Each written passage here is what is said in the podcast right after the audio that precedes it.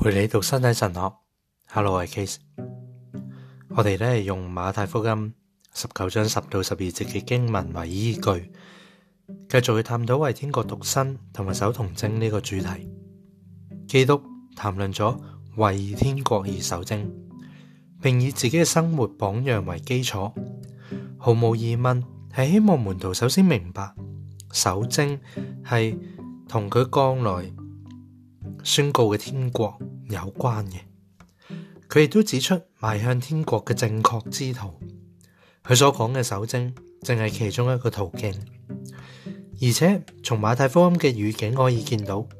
嗰个系一种世人特别需要嘅同埋优先嘅途径。事实上，同旧约传统相比，为咗天国而独身同埋守贞所享有嘅优次地位，系完全新颖嘅。而且对身体嘅道德意义同埋神学嚟讲都有关键嘅重要性。喺呢句话中，基督尤其强调守贞嘅中向。佢讲守贞呢个途径唔单止系存在，亦都唔单止系可能嘅，而且为咗天国而言系有充分嘅根据同重要啊。佢以自己嘅生活为作见证。基到自己亦都作出咁样嘅选择，可见一定系咁啊！此外，如果呢个途径系如此有充分根据同埋重要啊，为天国守贞必定有其特别嘅价值。正如我哋早已指出，基督冇按住门徒嘅水平同埋思路去面对佢哋提出嘅问题。佢哋话：人同妻子嘅关系如果系咁啊，咁不如不娶就好啦。佢哋嘅话其实系暗示咗某种功利主义，冇着数啊，咁咪唔做啦。相反，基督喺回应嘅时候间接咁样指出：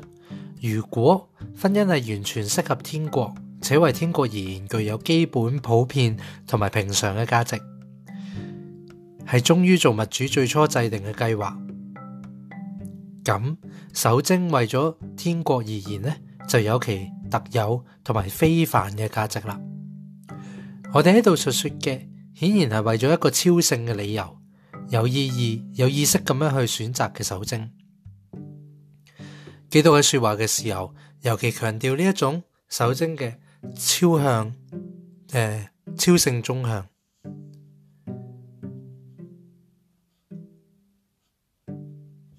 佢咁样去强调。不仅系有客观嘅意义，亦都有明确嘅主观意义。亦即系话，佢指出需要一个动机啊，要充分同埋圆满咁去配合，为咗天国一个词语所宣告嘅客观中向，为实现所讲嘅目的。亦即系话喺手经入边。发觉嗰个来自圣灵嘅精神上面嘅多产，我哋必须有咁样嘅意愿，并且怀住深厚嘅信心作出咁样嘅选择。呢个信心唔单止向我哋展示未来要实现嘅天国，亦都使我哋得以藉住特有嘅方式认同呢个角度嘅真理同埋现实，即系基督藉住佢嘅福音信息同埋个人生活同行动所启示嘅。为此上文提到，鉴于为咗天国守贞系来世嘅明显标记，且最主要嘅系佢本身承载住肉身救赎嘅奥秘嘅内在动态，而且喺咁样嘅意义入边，亦都具有某种超似基督嘅特征。有意识咁去选择呢一种守贞嘅人，可以话系选择以一种特殊嘅方式有份于救赎嘅奥秘。尤其是关于身体嘅救赎嘅奥秘，而即系佢愿意以特有嘅方式，藉住自己嘅身体去完成呢件事，并从中揾到去肇似基督嘅印记。嗱，呢度讲多次啊，呢个系一个信心嚟嘅，咁啊，作藉即系去发觉咧，诶，圣灵喺精神上面嘅多产啦。藉住呢个信心做呢个决定，呢个信心唔单止展示咗要实现嘅天国啦，亦都使我哋用藉住一个特有嘅方式去认同呢个国度嘅嘅真理同埋现实嘅。鉴于为咗天国守贞系来世嘅明显标记啦，即系末世入边嘅明显标记，且佢最主要系承载住身体救赎嘅奥秘嘅内在动态。即系话，当将来啊，身体救赎嘅时候，嗰个奥秘系不取不嫁啊嘛，系同基系同上帝面对面啊嘛，人同埋神结为，诶结为一体咁样嘛。咁呢个为天国而先去独身啊，即系来世以先为咗天国而独身，就系一种内在嘅承载住呢种，诶救赎同上帝结为一体。嘅内在动态喺咁嘅意义入边呢，其实都系反映紧，都系学像基督噶，因为基督都系咁样样咁，所以佢系一种选择以特殊嘅方式呢去参与嗰个身体救赎嘅奥秘啊。咁我继续读落去，呢一切都同呢个选择背后嘅动机咧系相关嘅，亦即系主体所意识嘅目的。即系话，当人选择为天国而守贞，人正应当让自己完全由呢一种嘅动机去引领喺所述嘅呢个情况下，基督冇话人有咁样嘅义务啊。无论如何，呢个确实唔系关于守戒命嘅责任，即系话独身唔系守戒命嘅责任嚟嘅。佢都冇话人有咁嘅义务。尽管如此。基督有关于为咗天国而守贞嘅简短言论，无疑真系特别强调佢嘅动机，即系为咗天国呢个动机。佢整句说话嘅第一同埋第二部分都强调呢个动机，亦即系指出咧主体要觉察到一个终末嘅向度，系为咗终末嘅末世嘅天国，主体要觉察到嘅。指出所述嘅系一个选择嚟嘅，关乎一个相当特别，而非普遍同埋平常嘅呼召。基督喺佢嘅言论嘅第一部分谈到一个领悟咧，就系话呢个话唔系人人都能够领悟嘅，只有嗰啲得到恩典嘅人咧先能够领悟嘅。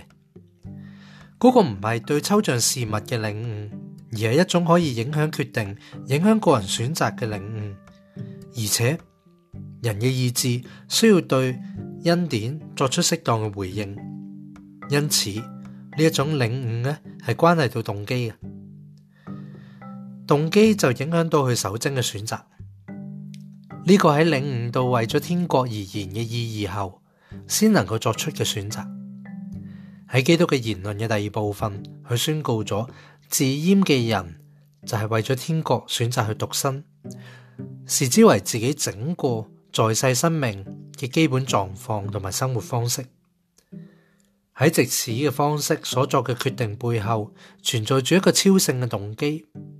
而呢个动机咧系源自超性嘅动机嘅，而呢个决定系源自超性嘅动机嘅。我认为呢个动机咧系要不断自我更新，先至能够继续存在嘅。